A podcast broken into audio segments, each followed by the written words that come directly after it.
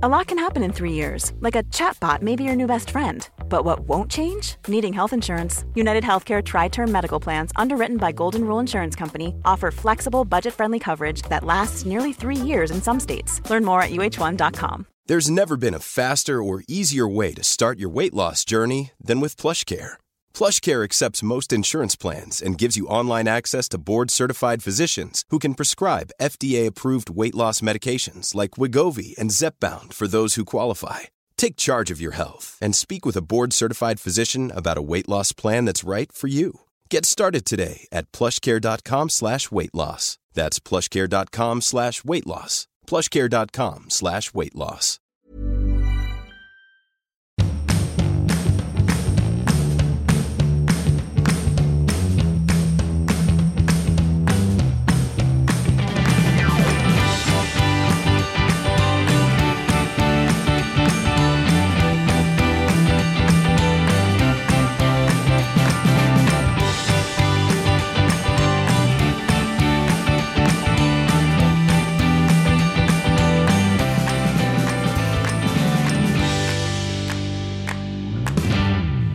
Hej och välkomna till Lillelördag Hamster. Jaha, Nej, vad- nej, vad heter det? Vad heter den här djuren? De heter inte hamster. marsvin. Ja. Bävling. Hej och välkomna till Lillelördag Bäver. It's a nice beaver you got there. Det, vi har ju alltså fått två marsvin döpta efter Mm. oss. Det visar sig dock att Anita var en kille. Han får ju fortsätta heta Anita. Binär. Ja, mycket binära Anita. Ja, äntligen fick jag min dotra. Vackra marsvinet. Ser ut som Det litet där är jag. Det där är jag. Jaha. Där är min vackra Ja, det då. där är din dotra. Lite mer fläckig. Tyfus. Ja. Det går ju för de flesta singlar. Eh, de brukar ju jobba på att bli vackrare. ja. Du tycker inte att jag är vacker heller? Jo, du är alltid vacker för mig, Ann. Men vi kan ju bara prata om din... Du gör lite roliga grejer ibland. Nu har du ju precis gjort permanenta ögonbryn, vilket resulterade i att de föll av. Nu har du inga ögonbryn. Nej, men jag måste... Nu är det transögonbryn. Nej, men jag måste bara berätta. Det här var så roligt, för man kom ju därifrån när permanenta ögonfransar och ögonbryn. tyckte jag så här, jag hade tänkt mig lite mer, vad ska jag säga, storsvulstigt intryck. Att ögonfransarna skulle liksom damma. De skulle vara klistrade mot Ja, ögonlocken. Ja. och ögonbrynen skulle liksom vara som en stor fjäder från Afrika, typ som bara liksom Ja, ja. virvlade ut. Men istället Det kändes det som, vackert. ja, men som en liten hamster som hade här, hittat en tändare. Klippt i tre dagar senare när allt hade ramlat av. Ja, men så tänkte jag så, nej, men det, det kanske är så det ska vara. Men sen så eh, började fler och fler reagera. Och bara säga, får jag bara fråga en grej? Eh, du har ju inga ögonbryn längre. ja, men sen så eh, ja, fick jag måla på lite. Men sen när vi var på vår kryssning. Eh, då hade inte jag sett Dante på ett tag, för han hade varit hos sin pappa, min eh, 17-årige son. Och eh, han bara, mamma, vad är det? Jag var såhär, vadå vad är det? Du ser så konstig ut, typ. Så han, han, han blev på riktigt rädd. Han bara, det är någonting med dina ögonbryn mamma, det är någonting du har inga ögonbryn längre. Han på liksom i 48 timmar bara så här. Nej mamma, nej mamma, gå typ. Du måste måla på det där igen. Han tyckte att det var så obehagligt. Jo, men det är ju lite obehagligt. För Ja. du har ju också fått jättekorta ögonfransar. Och jag har haft väldigt långa Ja, ögonfransar. exakt. Eh, men, men hur kan det ens bli så? Hur kan, hur kan jag vilja göra en skönhetsgrej? Nej. Nej, du är hopplös. För du gjorde ju hakan, fick du feeling för för ett tag sedan. Nu ska jag bara säga så här, jag har inget ont om dig, men du är ju en kvinna som har en haka. Så Ja. då kan jag ju undra varför man vill göra en extra haka. så det var inte en dubbelhaka du var ute efter, utan du ville liksom helt plötsligt, eller skönhetsterapeuten tyckte att du skulle ha en lite mer petit haka. Ja. Men hon kanske inte hade den fulla kompetensen, kan vi säga så, för att skapa det. Hon kanske inte kände till mitt, min släkttavla. Nej, för helt plötsligt så kom... Alltså för det som är grejen med fillers, det är ju att man vet ju aldrig hur mycket vätska det drar till sig.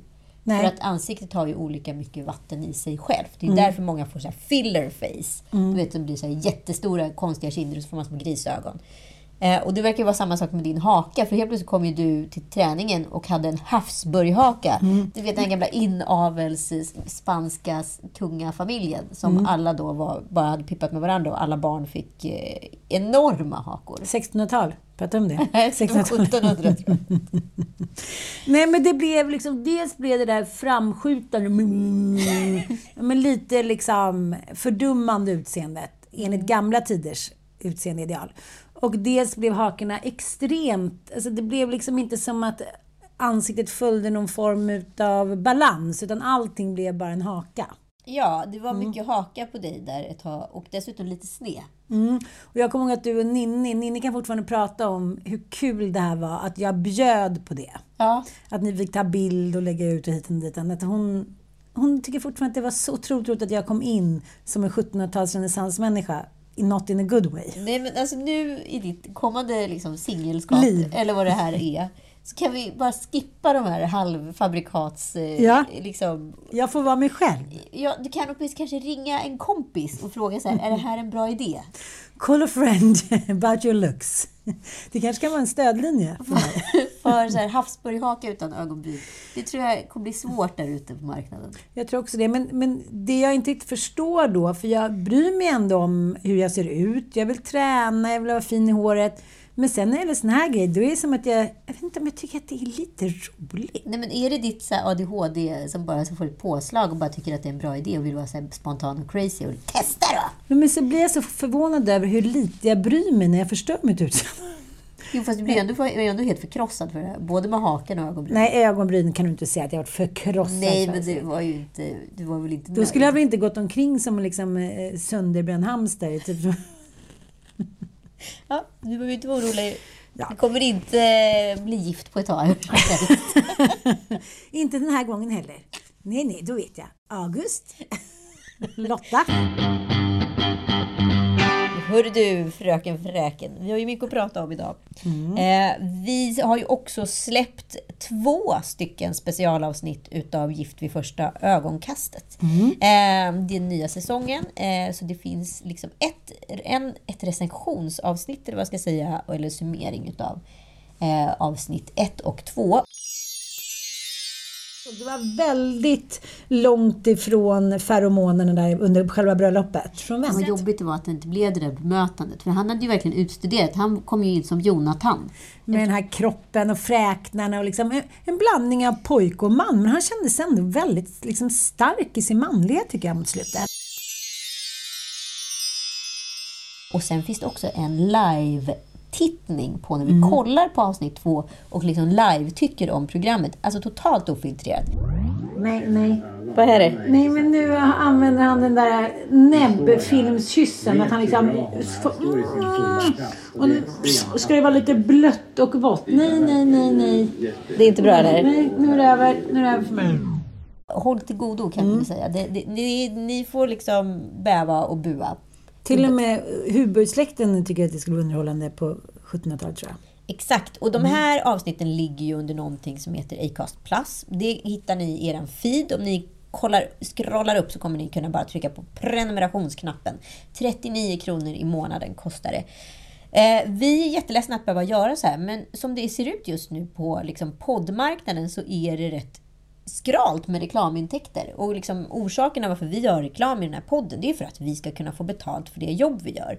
Vi upplever i alla fall att vi försöker göra så bra och kvalitativa poddar som möjligt för att vi är underhållare och journalister och ni är lyssnare och vi kan inte jobba gratis. Jag lägger nästan åtta timmar i veckan på våra avsnitt. Så att så här, det, det blir liksom helt omotiverat att fortsätta med podd. För att Dessvärre... tala om all research man gör. Det Nej, är typ 80 gud. timmar per vecka för Ja. att vi ska ha någonting att prata om. Nej, men däremot blev jag lite förvånad att det bara var 35 personer som har signat upp på det här. Vi har ju ändå 35 000 glada lyssnare per vecka. Så att så här, jag blev lite ledsen faktiskt. Mm. Det är kanske är svårt att, att lära gamla hundar att sitta och säga nu ska vi börja kräva att ni ska betala. Men alltså, vi har ju vår vanliga podd. Det här är ju bara extra mumman. Och som jag säger, om ni väljer den prenumerationen som är 19 kronor i månaden, då är ju det en halv bulle. Ja, och liksom, ja, folk tycker att jag fattar att folk tycker det är jobbigt med alla prenumerationstjänster och grejer, men det är liksom ett klick bort. Och vill man avbryta tjänsten så gör man det. Gå upp i din poddfeed, kolla, antingen väljer du 19 kronors paketet eller 39 kronors paketet. Om du väljer 39 kronors paketet så får du den här podden helt reklamfri Plus våra så här, Gift vid första ögonkastet specialpoddar som vi gör just nu. Men det kommer även komma andra poddar in det. Exempelvis intervjupoddar, specialpoddar, Ni mot våra gamla crime-poddar som vi gjorde. Sådana typer av poddar kommer också komma in. Så det är liksom ett mums mums mums paket för 39 kronor. 19 kronor så slipper man reklam och liksom supportar den här poddens överlevnad. Det tråkiga är att får vi inte ihop det nu, att göra de här poddarna, då kommer vi tyvärr behöva pausa. Mm, mm. Så ser det ut. Tills det blir bättre marknad igen. Mm. Hoppas ni inte vill det. Vi vill inte det. Nej, men ni hittar de här länkarna uppe i era poddspelare under liksom Lille Lördag. Men ni hittar dem även i våra bios och speciellt Lille Lördag Podcast bio. Där, eh, vi, där finns alltid information om våra avsnitt och olika paket. Mm, det har varit en lång påsk. Verkligen. Herregud. Men jag är också så här, jag tycker, det kanske också bara för att jag var borta, men liksom, jag tycker det har varit mycket, extremt lång januari, eh, extremt jobbfattig februari mm. och sen ett sportlov på det, för att sen komma in i en mars som avrundas med liksom ett eh, påsklov som aldrig mm. tog slut. Men jag tror att det är som du säger. Och nu är det fem veckor kvar till skolavslutning. Jag vet det, är liksom, det har varit för lite jobb. Det kommer inte ens kännas kul att gå på sommarlov. Nej, men jag tycker typ att jag vill känns... inte ens ha sommarlov känner jag. Jag vill bara jobba. Ja, men jag med. Och jag ja. tycker typ att det känns som att nu är det liksom... Ja, men hela våren bara försvinner på nonsens. Och sen så de enda månaderna som folk faktiskt jobbar nu för tiden, det är mellan så här, liksom, sista augusti och 15 december. Jag typ, fan, jag tycker det är lite för kort jobbsäsong. Ska jag också tycka så här, det är lågkonjunktur, många går på knäna, det är lite jobb, eh, alla får liksom vrida och vända på slantarna. Ja, då får väl staten se till ja, nu blev det bara, eh, nu blev det inte så långt påsklov. Nej, alltså men... någonting måste man väl kunna göra. Ska vi bara sitta på liksom och äta ägg? Kommer inte hända någonting. Det blir inga barn gjorda. Nej, men de hade väl aldrig haft lite folk uppe i fjällen på påsklovet som nu, historiskt. Liksom. Sen hade det varit någon form av rekord på sportlovet. Men mm. å andra sidan säger vi det också om att folk kanske inte har råd att åka till de här vanliga alpställena. Eller så har folk blivit miljö, miljömedvetnare. Mm. I don't know. Men jag tycker det är märkligt att samhällets struktur fortfarande är, med tanke på att Dels att skolorna ska vara stängda i tio veckor och mm. att minst fem av de tio veckorna så ska vi totalförsörja barnen och mm. underhålla dem. Och det är ju liksom en rest från så här industrisemestern, alltså när folk jobbade inom industri, vilket mm. de slutade göra för liksom hundra år sedan.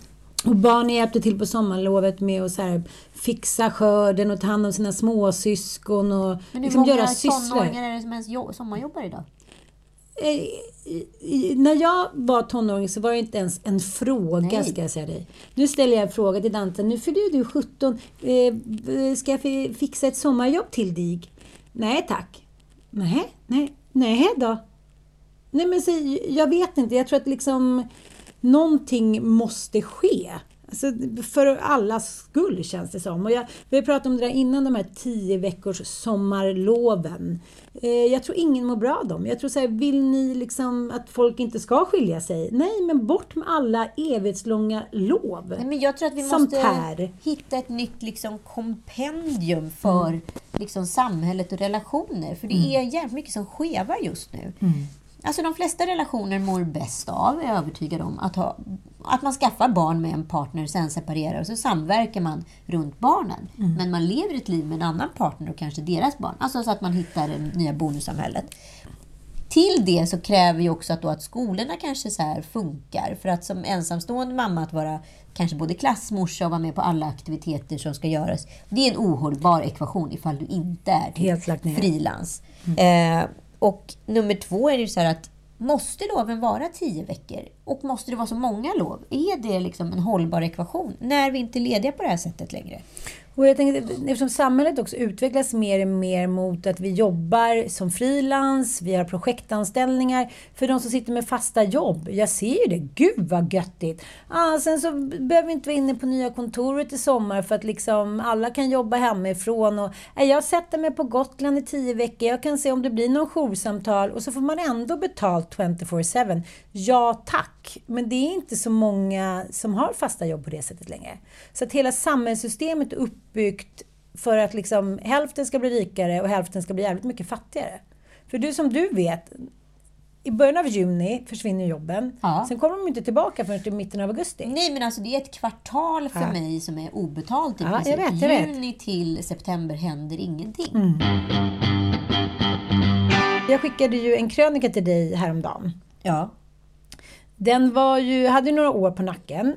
Men eh, det var ganska intressant för att jag hittade en gammal eh, eh, så här, men, läsebok för en av mina söner när jag rensade lite. Och då så stod det så här, ja tyvärr har vi inte kunnat läsa den här boken den här veckan för den är kvarglömd hos mamma. Det gällde en av mina söner då, med Ja. mitt ex. Och så återkom det där så här, ja vi har läst eh, mycket annat och det går jättebra. Men just eh, eh, läsboken, den är kvar hos mamma. Och så bara återkom det där gång på gång. Det är ju ingenting som jag minns. Liksom. Eller det var ju ingenting som mitt ex skulle erkänt för mig. Utan han sa väl, att jag har fixat en egen bok. Liksom. Och så läste jag den här eh, krönikan då eh, i eh, en tidning som heter Syre. Jag kände lite, sorg när jag läste det där. Förstår du? Att mitt under skilsmässa eller separation så är man uppe i någon form av vad ska jag säga, energier som gör att man inte riktigt kan se vad som pågår. Och det kan man ju inte heller, för att helt plötsligt har man separerat den andra parten. Det är väldigt många män framförallt som inte vill ha någon kontakt med ja, sitt ex överhuvudtaget. Jag tycker jag hör det hela tiden. Nej, vi mejlas på måndagar, annars tycker han inte att han klarar av det. Han vill inte ha kontakt med mig för han är arg på mig. Så att helt plötsligt så har man ju gått från total kontroll och inblick till 50 procents inte inblick. Ja, men jag, dels så tror jag att det kanske måste ske så för att man ska kunna separera. Det ska finnas tydligt innan och efter. Nej, men sen så tror jag också att hjärnan vad heter det, måste göra det på ett visst sätt för att överleva. För att det är väldigt kaosartat under en skilsmässa. Och för mig har det aldrig varit så tydligt när jag separerar att samhället inte är skapat för en icke-tvåsamhet. Att hela samhället är skapat för att man ska leva i, Ja. i ett par. Och det kan ju vara liksom som nu när man lever med en ny partner. Då funkar ju allting. Men det är totalt hack i maskineriet när man bara är själv. Ja. Så här, jag har ju, f- eh, man har tre barn och alla fyra fotbollsträningar var. Och jag jobbar över tisdag och onsdag. Hehehe. Ja, men plus att du ska gå på allas föräldramöten och allas barns kvartssamtal. Och så det är Hinna läsa alla veckobrev och extrabrev och rektorsbrev. Och de ska klä ut sig och de ska fira Lucia. Så här, det det är... är ju en heltidstjänst att liksom ha med skolan att göra som ensamstående. Men Ja. i ett partnerskap så är det inget problem. Nej. det finns någon där som kan Då delar man ju upp. ja, hantera marktjänsten under den tiden en går på kvartssamtal eller föräldramöte. Men det är en absolut omöjlighet. Och speciellt i början kanske som jag hade det i alla fall med liksom en partner som inte alls var samarbetsvillig första året. Liksom. Då är man rätt själv i rätt mycket av det där. För de där grejerna läggs också på något märkligt sätt på modern. Ja, gud ja! Och eh, det, det verkar vara fortfarande någonting som också är helt normaliserat. Att då tar mamman över, eh, från att ha haft 85 procent av det sociala och skola, så tar hon 100 procent. Men båda mina barn vill att jag ska vara klassförälder hela tiden. De har ju aldrig liksom avkrävt deras pappa på att vara klassförälder. Nej, och det tycker jag är så här, bara tonaliteten gentemot mig, även från mina äldre barn, är så här, du måste acceptera, eh, har du inte liksom accepterat än hur pappa är? Det är sån han är. Men okej, perfekt. Då är jag också sån. Ha det bra nu i sommar. Vi ses i augusti. Liksom, äh, eh, hur som helst så kom jag över den här artikeln oklart varför, men precis när jag hade konstaterat så här, men gud, min stackars lille pojke, han hade aldrig läst boken. Ja, men du vet, jag, fick skuldkänsla. skuldkänsla Ja, för att du var slarvig under separationen. Ja. Ja. Och då skriver, det här var alltså den Jag tycker det här... var uppfriskande slarv, för det brukar oftast vara papporna som är slarviga. Ja, men alltså, det handlade inte om, jag hade ju boken. Ja. Men han sa ju till mig att han också hade en bok. Jaha. Och jag dubbelkontrollerade inte Ditta. Oh, För jag var ute och rände. ja. Nej, men just det där att när man inte har någon eh, kommunikation. Vi hade ju i stort sett ingen kommunikation. Och en kompis till mig är nyskild och de hörs då eh, mejlas en dag i veckan vid en viss tidpunkt. Mm. Eh, man måste försöka bibehålla någon form av maktstruktur för att klara av de där känslorna som rasar inom en. Så är det bara. Hur som helst så skriver nationalekonomen Arvid Uddefelt. Eh, han är väldigt upprörd över att han tycker att skilsmässor eh, har normaliserats. Överallt liksom. Det här uttryckte han sig se, liksom, i den här artikeln då 2021. Men ja, det är något år sedan typ. Eh, och eh, av allt då som, som sker i dagens samhälle så är det det här som han har valt att uttrycka eh, sin oro över. Och det kan jag känna så här, eh, om nu så många skiljer sig... Han är då alltså mot skilsmässor. Precis. Han tycker att folk skiljer sig för lättvindigt Ja. och, och orsakar extrema men för barnen under tiden Mm. krönikören tycker att menen som orsakas i barn där föräldrar liksom tiger ihjäl varandra i tystnad i hemmet eller hatar varandra. Det måste normaliseras för att människor ska kunna lämna i sina relationer och för att hela familjen ska må bättre. Mm. För att gå omkring i, liksom, i de energierna som blir när mamma och pappa eh, inte gillar varandra. Det är ju mer skadligt än en skilsmässa. Absolut. Tror jag Samtidigt de- så ska ju alla veta om att kvinnor många gånger är förlorare i skilsmässor. Mm. Varje barn kostar i snitt 100 000 kronor per Men år. Och ju fler barn man har, desto dyrare blir det. Så folk, ja, jag har ju levt med män som tror liksom att ja, men barnbidraget täcker väl allt. Liksom. Jag Täcker tror- en lunch. Nej men alltså barnbidraget täcker inte ens skolavgiften. Alltså Nej. Mm. vi börjar där och liksom... Jag blir, så, jag blir så chockad över att okunskapen hos män är så Mm. tafatt när det kommer till att satsa på barn. Och viljan att satsa Mm. på barn. När, när, du pratar ju ofta om din triangel, att så här, när frun som sitter högst då på männens eh, pyramid, när de inte vill ha När de, hon en halkar ner. Ja, då blir inte heller barn lika värdefulla. Jag kan inte tolka det på något annat sätt. Nej, för barnen är ju redan längst ner i männens Ja. pyramid. Mm. De sätter sig ju själv i mitt, mittenpositionen. Han, han, eh, inle- han säger då att att skilja sig är lika normaliserat som att köpa husdjur. Han tycker att det är hemskt med rubriker som till exempel en fånig Expressen-rubrik som han säger då att man blir en knullmaskin efter skilsmässan. Och, ja, men han tycker att liksom allt är för lättvindigt hur man hanterar en skilsmässa, hur man pratar om det med barn och sådär. Och han berättar indignerat om en skilsmässoplanerare som glatt rapporterar att över hälften av de som gifter sig skiljer sig och att augusti och september är riktiga höjda månader för skilsmässobranschen. Eh, han menar att det har blivit en lukrativ marknad. Man kan tjäna då på de här råden. Men vadå, det kan man väl göra på vadå, spel och dobbel då? Alltså, allting idag eh, kan man ju tjäna på. Jo, det, men sen lever vi ju i en skarvtid. Vi, lever, i- vi Ja. lever, håller på att gå från kristna värderingar, precis som Gift vid första ögonkastet, in i någon form av så här, vi gillar manifestet utav ett bröllop.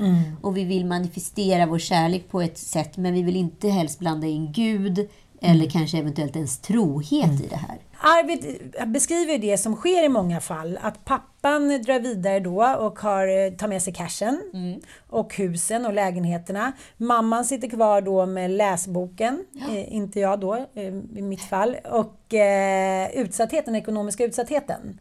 Han tycker inte att man borde då få råd om hur man ordnar skilsmässan på bästa sätt. Men han tycker så här, pratar ni om det innan? Är vi verkligen redo för att skaffa barn? Och nu har det blivit sånt jävla ramaskri då för den här artikelserien i DN där de, det är ett par som säger att vi har valt bort barn. Just det. Eh, vi har istället valt att satsa på vår häst och eh, ha cash över och kunna resa och leva ett lyxkonsumentliv. Men, du säga någonting mer provocerande? Nej! För då sitter ju vi här och är avundsjuka.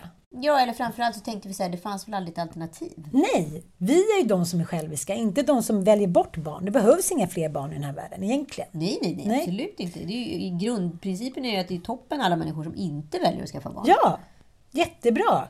Eh, ägna er åt annat. Ja, men och jag är ju också så här... Jag, jag, kom, jag får ju alltid, det spelar ingen roll vad jag än gör, att så här, det är alltid någon liten så här, det kanske kan komma en liten sladdis snart, skriver lite gulliga små råd på sociala medier. Jag har ju valt bort fler barn. För att det jag erfarit och det jag upplever är fungerande, det är ju just varannan vecka livets liksom perks. Men skulle jag skaffa ett barn eh, nu med Joel, då är ju jag aldrig från barn. Då har ju jag alltid barn igen. Och jag har ju gjort ett semival, vad jag skulle säga kanske är det ultimata livet. Och det får jag ju alltid fråga, blir jag alltid frågasatt för. För att jag så här, borde skaffa barn med Joel. Eh, Vad säger Joel då? Nej, men Vill inte vi- Joel ha barn? Ja, Det är provocerande. Ja, men Joel är inte heller superintresserad just nu av barn. Och jag har också lovat honom att vill han skaffa barn så ska han få göra det. Men inte med mig. Det kan bli med mig. Så Det ge det till ja, dig. Precis. Nej, men det finns ju jättemånga kvinnor där ute som vill ha barn. Och jag kommer backa honom som en varannan vecka-förälder, precis som han har backat mig. Mm. Men jag tror inte lyckan ligger i att vi två ska förenas i liksom, ett barn. Jag, jag, jag är ledsen att tro det. Och jag, får, liksom, jag fattar att det här är en rätt radikal liksom, teori. Och jag har liksom inte ens vågat uttala den offentligt för att jag vet hur provocerande den är. Men jag, jag är helt övertygad om att jag har hittat liksom, koden för att kunna ha ett bra, harmoniskt och kärleksfullt liv. Jag har barn varannan vecka som jag kan ge så jävla mycket och lägga så mycket energi på. Varannan vecka kan jag jobba, jag kan resa, jag kan festa. Jag kan göra vad fan jag vill nu om jag känner för det. Och det är ett rätt harmoniskt sätt att ha ett liv på. Och varför i helvete skulle jag vilja göra om det? Och bryta sönder det? Nej, men du erkänner i alla fall det och det tycker jag är... Eh, du ska ha den äran för det. Men jag tänker så här, alla vill ha cash, alla vill leva lyxkonsumtionliv, ingen vill ta ett steg tillbaka, det har vi pratat om innan. Varför skulle du då, du då vilja ha ett till barn? För att sitta där igen och förstöra kroppen, ha dåligt med pengar. Jag tänker att du har faktiskt verkligen tänkt till och jag tror att han har någonting uddenfält. Någon, det ligger väldigt mycket i det han säger. Hur många som skaffar barn där ute har frågat sig innan, har vi råd? Ja. Är vi mogna för det här? Är det vi två som ska göra det? Ja, men hur många ställer frågor ställde du innan du skaffade Nej, barn? Jävligt få. Ja. Sätt på mig bara. Mm. Mm. Jag uppmanade. Mm. Nej, jag... Eh, tänker om det var... n- Nej, jag blir provocerad då när mina män eh, ifrågasatt, ska vi verkligen ha ett till barn? Har vi råd med det? Orkar vi det? Klarar vi det? Ingen man ska neka en kvinna ett barn. Så nu tänker jag säga, men varför då? Det är väl det mognaste man kan göra. Om jag hade lyssnat på mina män kanske, som sagt, nu räcker det. Det här tror inte jag går vare sig ekonomiskt eller liksom orkesmässigt eller liksom hur vi bor och... Nej! Då är det liksom egot. Min bebis! Och det här talas det ju alldeles för lite om, Ja. jämställdheten. För att vi kvinnors ego har ju blivit så pass stora så vi kan inte ha fel. Nej. Säger man nej till en kvinna, då är man en manschauvinist. Mm. Eh, då är man liksom ett patriarkalt styre och så vidare. Mansbebis. mansbebis. Och någonstans kan ju vara så här, för jag har ju sagt den också, så här, ekvationen till Joel, att så här, fan känner vi att vi har liksom råd och täckning att ha ett barn när du tjänar en tredjedel så mycket som mig? Nej, det kanske inte vi gör, för det betyder att jag är den som måste gå tillbaka till jobbet. Alltså jag blir både kvinnan och mannen i en sån typ av relation. Vilket såklart, om, för jag har ju tänkt utifrån ekono- ekonomiska liksom, principen när jag, när jag tog det här beslutet från början. Att så här, jag kommer ju vara den som både blir kvinna och man. För att jag kommer ju vara den som fortsätter behöva driva in cashen. För att jag redan är ekonomiskt 11 år framför honom i Ja. tiden. Vilket inte är så konstigt när man är 11 år yngre. Man är på en annan ekonomisk nivå i en lönehierarki. Och det kommer ju på så sätt göra vår relation extremt sårbar. Min sambo är en person som behöver väldigt mycket sömn. Eh, och liksom, nej men och, och, och liksom är jättekänslig för höga ljud. Då kommer jag behöva ta det stora barn, ansvaret för barnen och liksom dens trötthet. Ja. Vilket kommer så här bränna ut mig. Jag har aldrig ens ställt den frågan. Jag tänkte, Det klarar jag. Jag är en superkvinna. Och sen är det mycket annat som har fallit då för att man är ingen superkvinna. Ingen människa är en supermänniska. Nej, och jag har bara så här, baserat på massa analys och kalkyl och risktänkande har jag så här kommit fram till att så här, just nu är det inte en smart idé att skaffa barn. Och sen har den liksom tanken bara förädlat sig att jag bara så här, shit, det här livet är ju det perfekta livet. Kanske så eh, ska vi inte skaffa barn. Och sen har det blivit liksom en övertygelse hos mig för rätt många år sedan. Men det är ändå intressant för enligt Uddenfält eh, då så har ju du, eh, du... Han tycker både du har tagit ansvar och gjort fel. Du har både maximerat eh, din nya kvinnliga frihet med att så här, ha varannan vecka-liv och optimerat så här, leva eh, din syn på vad som är la vida loca. Men du har också tagit ansvar för att inte skaffa fler barn efter du har skaffat barn. Ja, Mm. Så Att, varför ska jag hela tiden liksom föröka mig för att bli lycklig? Mm. Jag har inte förstått det. Jag har ju fått en pojke och en flicka.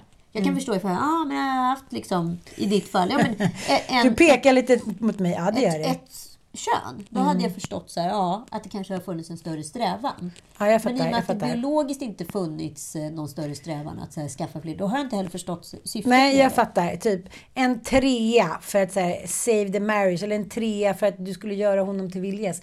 Det blir inte heller bra. Jag har en tjejkompis nu som skaffar barn med en kille som vill ha barn och så vill inte hon det. Och nu har han schappat och hon sitter där och säger Jaha, Ja, för- men vad trevligt. Tack så jättemycket. Jo, men det som hade varit konsekvensen om jag och Joel hade skaffat barn eh, och sen inte klarat det här, prövningen, äktenskapet, relationen. Då hade ju jag suttit med tre barn varannan vecka. Under tiden han hade varit en pappa, klättrat upp sex år på lönestegen eller ännu mer och suttit med ett barn varannan vecka. Det är fullt hanterbart som farsa. Men tre barn varannan vecka som mamma, det är rätt tufft. Och jag tycker många är så otroligt naiva när man pratar om relationer. Skulle han aldrig lämna mig, han skulle aldrig vara otrogen, skulle jag märka direkt? Nej, man märker, man kan inte lita på någon mer än lita på sig själv när det väl smäller. Det finns inte så jävla många där som backar en och speciellt inte sårade snubbar. De tar cashen och drar. Ja, och Så så, det ser det ut. Och du säger liksom ett ex som är generöst. Nej, nu sa vi inte det där. Ja, ja, ja.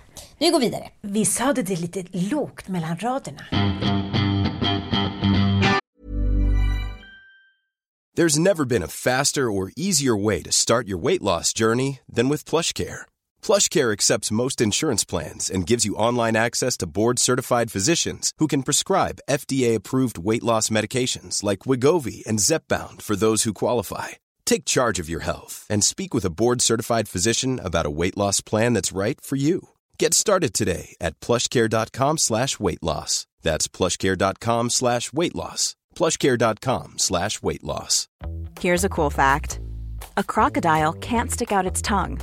Another cool fact you can get short term health insurance for a month or just under a year in some states. United Healthcare short term insurance plans are designed for people who are between jobs, coming off their parents' plan, or turning a side hustle into a full time gig. Underwritten by Golden Rule Insurance Company, they offer flexible, budget friendly coverage with access to a nationwide network of doctors and hospitals. Get more cool facts about United Healthcare short term plans at uh1.com. Du var på tjejlunch i helgen.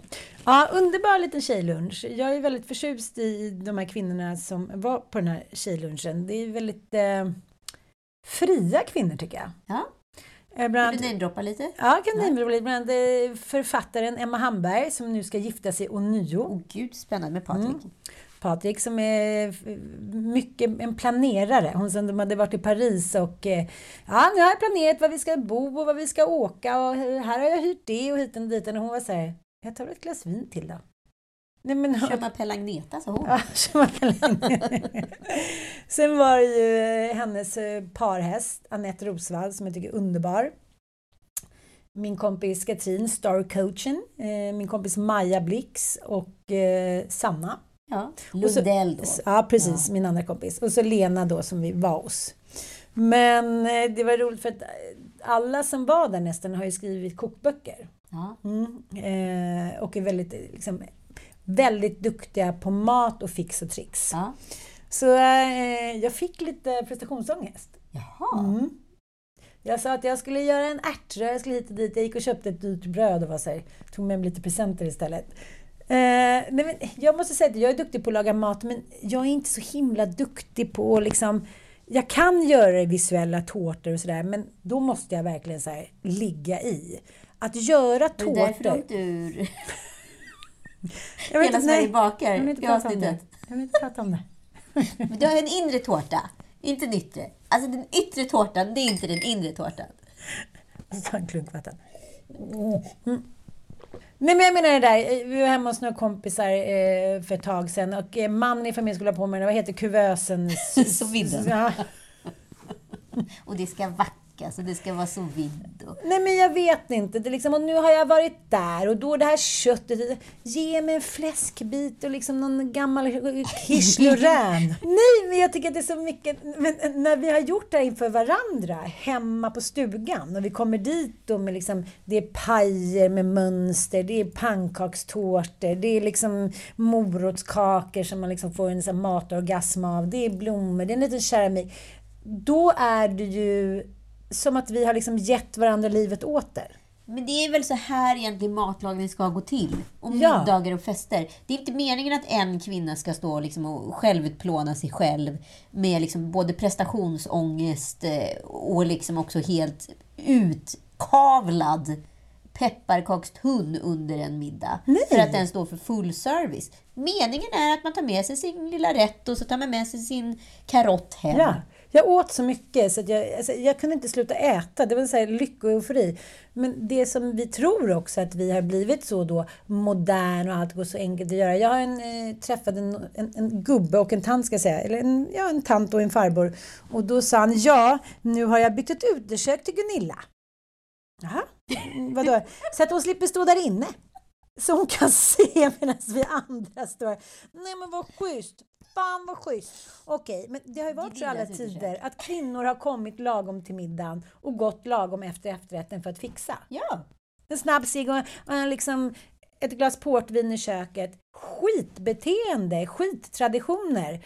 Alltså, men det är därför man behöver en sous ja, Och, och en vacker. Och en så, att Porsche, de, så ja. att de känner att så här, nu kan jag ta in materialsporten i köket och Mm. då blir köket intressant. Det, här är ju bara, det här är ju bara kuriosa för att män ska gå in i köket överhuvudtaget. Mm. Som puttar dem över liksom, krönet. Men det är som, vi skulle gjort en jätterolig eh, sketch i Somi Sitcom, när vi på med den, för en hamburgerkedja.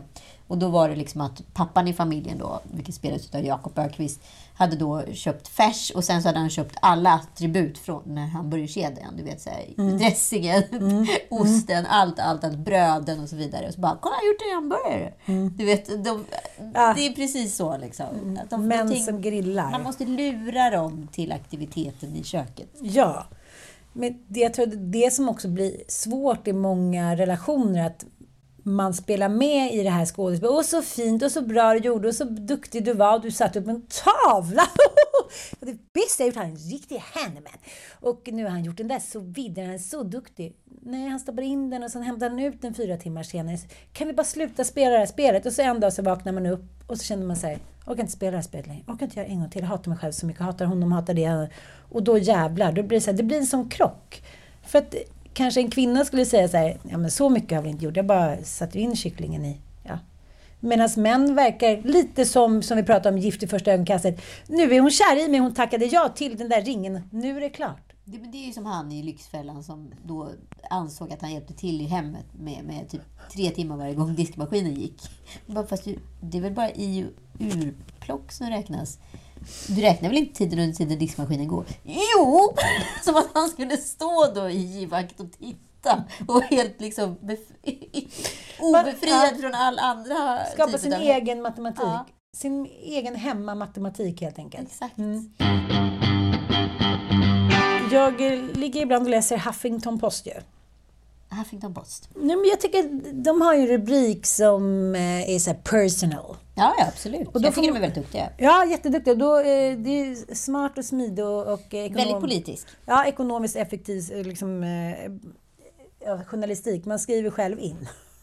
Ja, men sen är det väl också lite, lite högerriktad också. Ja, ja det är det ju i och för sig.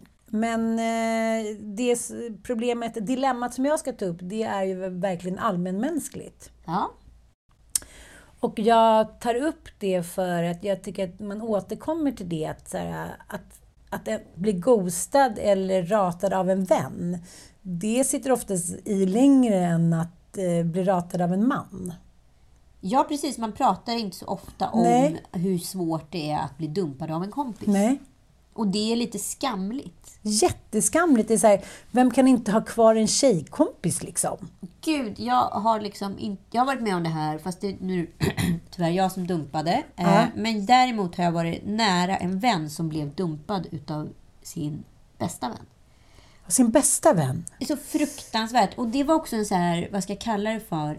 En vuxen förälskelse. Du vet, man hittar varandra plus 30. Jaha. Och helt plötsligt är man som två systrar, man gör allt ihop, man, man liksom planerar allt ihop, man åker på resor ihop, man lägger upp tokiga bilder ihop, man skapar knasiga smeknamn. Ja, lite som tjejen i den här artikeln. Exakt så! Och sen kom covid. Och den ene kompisen blir väldigt liksom påverkad utav det här. Och den andra kompisen blir inte det. Alltså hon går in i liksom covid-psykosen och rädslan för smittan. Under tiden den andra kompisen då var på någon fest och liksom inte alls kände så att så här, åh gud, det var väl inte så farligt, det var en förkylning plus plus. Vi är ju friska. Och då ansåg kompis nummer ett att hon inte respekterade hanteringen utav covid tillräckligt eh, respektfullt. Så att hon bröt vänskapen med kompis nummer två. Men då for life? Under många år. Men det här var liksom som att min kompis blev dumpad. Alltså hon gick in i en kärlekssorg. Hon blev liksom så knäckt, så sårad, så ledsen för det här. Det var liksom som att en kär... Hon blev liksom också på något sätt då utputtad från den andra kompisens sammanhang. Ja, det är klart, det är Och klart. Helt plötsligt var hon helt vilse. Fast hon aldrig hade haft den här kompisen innan, bara tre år tidigare. Wow. Det var ju väldigt smärtsamt att se. Och det var första gången jag tänkte på att så här, shit, eh, att bli, liksom, bli av med en bästa kompis på det sättet, det kan ju verkligen vara som att bli dumpad. Ja. För det var ju det som hände i hennes fall. Och båda var singlar och sådär. Ja, men du fattar. I den här eh, ja, personliga essän då i Huffington Post så berättar hon att eh, de har haft ungefär den relationen som du vittnar om. Och sen så helt plötsligt en dag så svarar hon inte på sms. Eh, och sen så sk- skriver hon lite, hon sa att vi brukar ha ett skämtsätt att så här, get off my back typ. Så här, just nu vill inte jag, ja men som du skulle, du skulle säga så här, jag orkar inte ens prata om det där just nu. Lite på det sättet. Och hon är så här, okej jag fattar. Och sen så hör hon av sig några dagar senare och då är det så här, nej, jag vill inte ha någon kontakt med dig. Ingen förklaring. Eh, hon kan inte själv hitta liksom, eh, någon anledning till det här. Har jag gjort någonting? Man blir nästan sinnessjuk. Man säger, "Eh, eh, mm, mm." Eh, och det är som hon beskriver, det är som att någon bara rycker bort den från sitt sammanhang utan att säga varför. Och så tänker jag så att det är ju ett väldigt, om man ska se då ur när kvinnor berättar att de har varit i narcissistiska relationer. Just den här ghostingen, att ena sekunden så är de liksom så på och kärleksfulla och liksom det är det enda de vill ha, man är på piedestal och nästa sekund så har de gått tillbaka till något ex och liksom föraktar en och vill knappt prata med en och tycker att man liksom, vad fan trodde du att jag skulle vilja vara med dig för, idiot typ. Och sen tillbaka på ett vidrigt jävla djävulssätt. Liksom. Att, eh, och jag tror att det handlar mycket om skam och skuld, att man har så dålig självkänsla att man inte vågar då säga sig, jag har blivit kär i någon annan eller "Men jag har en killkompis vars fru då, exfru, köpte en lägenhet bakom ryggen på honom med sin nya kille. Det, är så här, det kan man ju känna igen själv, att man känner så mycket skam inför barnen, inför liksom relationen, att man säger stoppar huvudet i sanden. Ja. Men det är ändå ett så här beteende från högstadiet. Så här, kan du göra slut med kecka åt mig? Eller inte ens högstadiet, lågstadiet. Man förstår att det är ett försvar att man ska vända det mot den andra. Så här, men det är för att du, det var för att du gjorde det här. Eh, det här är ditt fel. Det var lika bra att det blev så där. Man vill hela tiden hitta anledningar till att man själv har fuckat ur. ja, precis. Hitta syndabockar. Ja, men i det här fallet jag, har, eh, jag, men, jag är också en vän som har gjort slut med mig eh, under metoo. Oj! Mm. Hur var det då? Berätta. Vad var det som hände? Nej, men, eh, det här är ju en väldigt eh, stark kvinna på många sätt. Ja. Mm. Har lite sår från barndomen, tycker jag också är en gemensam nämnare.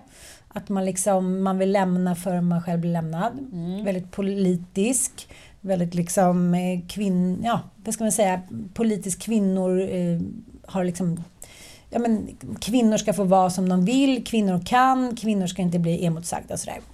Och sen så var ju hon vän med en utav eh, de som vi hamnade i klammer med. ja, just det. Eh, och då åkte jag ut i kylan.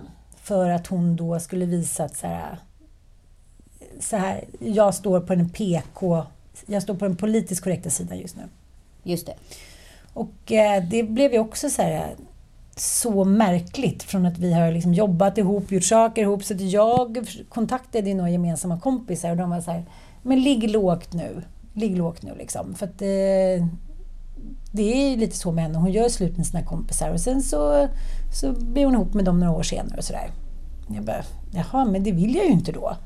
Ah, det var lite olika orsaker, men jag har försökt kontakta henne en gång. Men det, det var det stängd dörr? Ja, det blev ett aggressivt mottagande. Jag var så här, men nu får du väl ge dig. Förlåt för det där jag gjorde, om du tyckte att det var så upprörande då. Jag ska inte säga vad det var. Eh, vilket jag inte tyckte var upprörande. För att jag, oftast när man blir dumpad av en kompis så känner jag, det har bara blivit en gång för sig, att man ser på saken på så olika sätt. Man kanske själv har hamnat i en krissituation som den andra inte kan förstå. För den kanske har sitt på det torra eller har massa backning eller har en karaslog som är ditten och datten. Så att det blir bara väldigt svart eller vitt. Och så försöker man förklara sin egen... Man försöker ha något tolkningsföreträde ett tag. Men man får inte ens komma in och förklara utan man är bara direkt utestängd för att man har gjort någonting som i deras ögon har varit politiskt inkorrekt. Ja. Nej men jag kommer ihåg, alltså, den gången som jag liksom, kommer ihåg, jag var ändå lite så här märkligt nog pushover um, i högstadiet och sådär. Men det var så konstigt för det var liksom en tvåstegsraket. Jag dumpade min bästa kompis i högstadiet till förmån för lite coolare tjejer. Mm. Och det var ju såklart fruktansvärt sårande och jag skämt så mycket i efterhand för min kompis. Är ni Eh, vänner nu igen? Ja, men inte vänner på det alltså, så här, vi, alltså Jag flyttade ju sen så att det försvann ju av naturliga skäl. Men liksom, vi är kompisar på Facebook och sådär. Men jag dumpade till henne till förmån för lite ballare kompisar. Samtidigt som min ballaste kompis då, som var så här, liksom den coolest queen i Strömstad, du fattar ju. Hon blev liksom friendad utav en tredje vän. Så vi skulle vara tre tjejer som lekte. Och den kompisen hijackade ju henne från mig. Så helt plötsligt så var det de två som skulle flytta ihop. Och det var de två som skulle starta band. Och det var de två som var liksom Ja, du fick smaka på egen medicin. Och jag var liksom, jag hade ju gjort ett felaktigt beslut. Förstår du den känslan? Och där blev jag liksom tokdumpad. Och jättesårad, men var alldeles för liksom, jag, för jag hade också dumpat någon för att offra. Du din Offrat kompis någon för att för- komma högre Ja. upp i hierarkin. Och sen blev jag liksom ensam. Från två håll då. Mm. min, det var ju inte så att jag kunde ringa min andra kompis som jag hade dumpat. Skämta bara. Mm, och säga, hej, vill du leka igen? Det ville hon absolut inte. Nej. Så jag, det var ett högt spel. Mm. Som så straffade mig rätt hårt.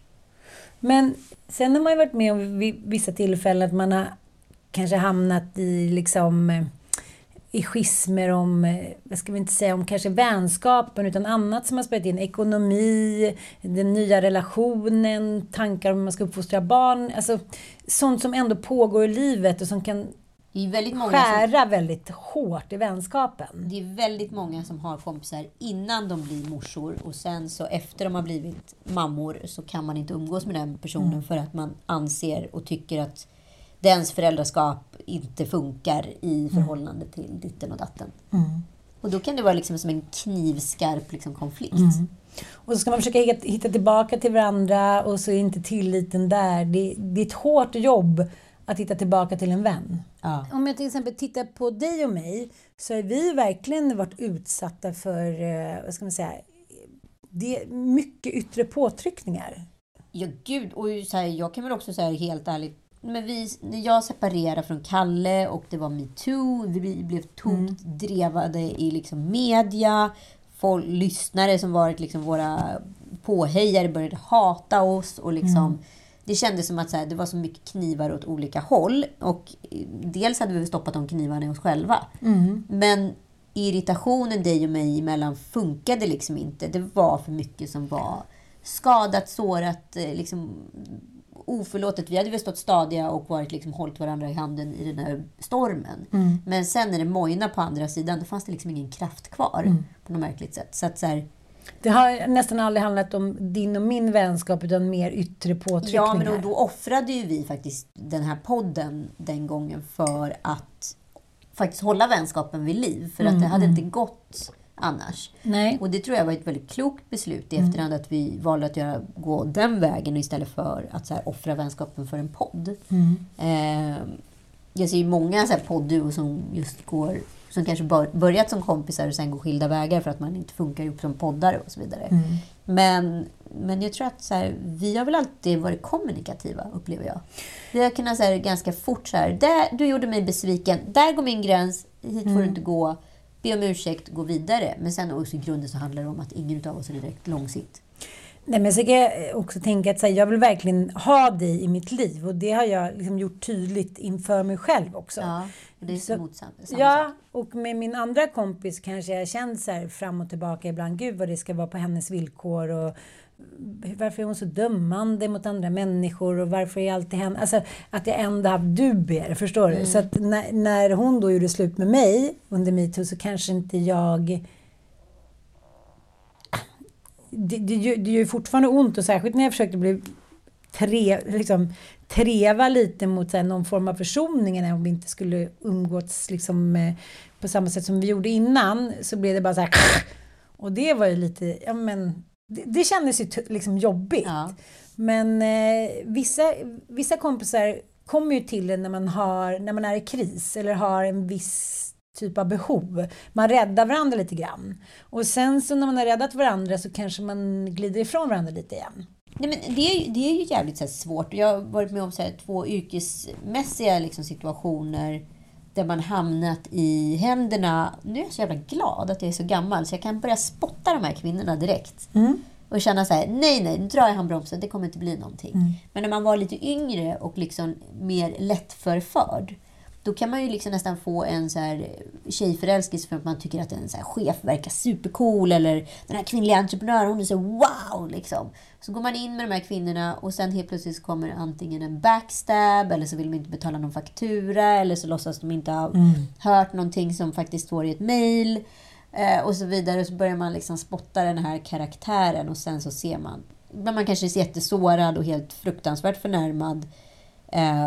Eh, och sen så plötsligt börjar man se ett mönster i den här personen. Mm. Att varje relation den har, det går på det här sättet. Det är en viss mm. typ av karaktär och så vidare. Mm.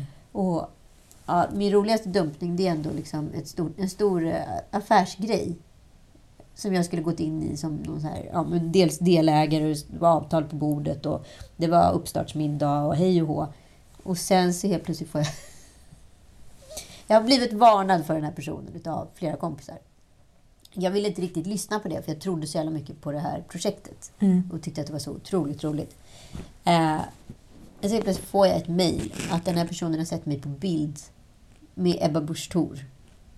Och de kan inte jobba med personer som har... Ja, har en skenavrättning. Ja, har vad mm. heter det, KD-åsikter. Och jag är så här...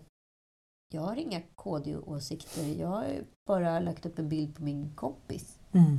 Eh, det här var långt innan Ellegalan, ska understrykas. Eh, och det var, så, det var en sån jävla skenavrättning. Men jag var mm. helt knäckt utav det. Mm. Att, liksom, du tog någonting som... Alltså, du ville rädda ditt eget arsle. Du, var en, du körde en narcissistisk handling. Du la det på mig fast jag inte hade med någonting. Jag hade gjort allting, spelat allting by the book. Jag hade varit en schysst människa och en schysst kompis till dig. Och så bara skenavrättar du mig ja. direkt. Mm.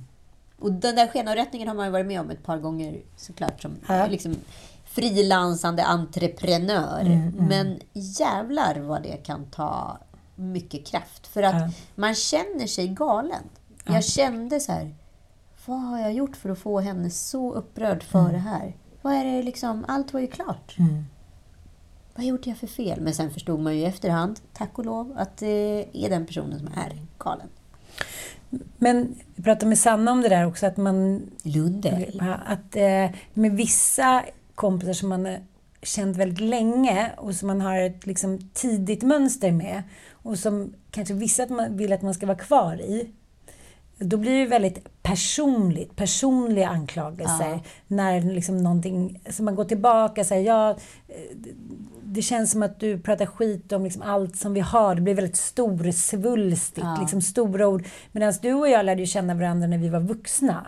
Precis. Och även om jag vet väldigt mycket om dig och är väldigt nyfiken på dig och jag ofrivilligt också fått reda mycket på om din barndom och din ungdom så är ändå, jag har ju valt dig och jag vill ha dig i mitt liv. Så då måste jag ju ändå kämpa för dig och jag kan inte bete mig hur som helst. Förstår du? Nej, det går ju inte. Nej, och, eh, det finns ingen arvsynd i relationer nej. som kan skada oss på det sättet. Så att, Men man kan ju också spotta, som du säger. Med åren så lär man sig se så här, vilka vill vara med en för att de tycker att man så här, verkar vara en bra människa eller vilka vill vara med för att man ska vara så här, inte vet jag, eh, liva upp någonting eller för att man är Hon är, ditten och hon, är, datten. hon är strösslet på, på tårtan. Det kan alltid tokigt att höra om hennes eskapader. Nej, så jag, jag tror att det handlar om att vissa vänner, inte så himla många, känner man sig rakt igenom trygg med. Mm. Och det är en underbar känsla, för det jag har jag aldrig gjort med en man tror jag. Inte rakt igenom trygg. Är det sant? Mm. Nej, det har jag nog i och för sig. Jo, Joel känner jag mig väldigt trygg med. Men liksom, utöver det så har jag nog aldrig känt mig trygg med en man. Nej. Men däremot har jag liksom... Jag var ju så... Baserat på de här, den här tjej... låter ju jättelångsint. Det här som hände mig, att jag blev väldigt ensam liksom i högstadiet och gymnasiet. Baserat på min egen offerlamm till väninna och sen så blir själv då ett offer. Det gjorde mig väldigt rädd för tjejrelationer under många år. Så att jag hade ju bara killkompisar i nästan liksom 6-7 år. Så hela min liksom gymnasieperiod och första åren i Stockholm, den är ju baserad på att jag hade väldigt goda relationer med män. Jag hade ju liksom ett grabbgäng med liksom fyra grabbar. Fyra grabbar och det tog rätt lång tid innan jag vågade lita på kvinnor igen. Så det blev liksom ett avbrott i mina tjejumgängen för den där relationen. Jag var liksom sviken. Jag är sviken och sårad samtidigt jag hade offrat. Det är en märklig situation. Men du... Eh, hård läxa. hård läxa. Och liksom, eh, ja, som sagt, jag tyckte att det var jättesvårt att hitta trygghet i de här unga, liksom 20 plus tjej, liksom, relationerna. För de blev ofta rätt konfliktfyllda. Oftast var det kopplat till jobb eller killar. Och det fanns mycket svartsjuka och avundsjuka. Och jag var så här, jag var inte riktigt där. Jag orkade inte riktigt med den typen av Men om man inte har väninnekören så är man ju också mer sårbar. Märkte du inte det? Gud jo. Och jag tror många gånger att liksom det liv jag lever idag eh, som vuxen och många gånger rätt solid är baserat på att jag så här, inte ansträngt mig i relationer kopplat till kvinnor. Nej. Du har sett det från en mans point of view. Ja, Intressant. Intressant. Nu håller jag på att hungra ihjäl ja det tycker jag Ja, låter som en eh, klok eh, grej att göra. För att nu bubblar det så mycket i magen på dig. Så nu måste vi lägga ner den här podden. Puss och kram. Tack för att ni har lyssnat. Och hör gärna av er med egna erfarenheter av skenavrättningar. Ja, det vore jättekul att kunna läsa upp lite lyssnarbrev. Så DM Mm. oss gärna på Lille Lördag Podcast. Och som sagt, snälla söta rara, glöm inte att prenumerera och stötta ett par Ett par månader i alla fall. och kompisar. Puss.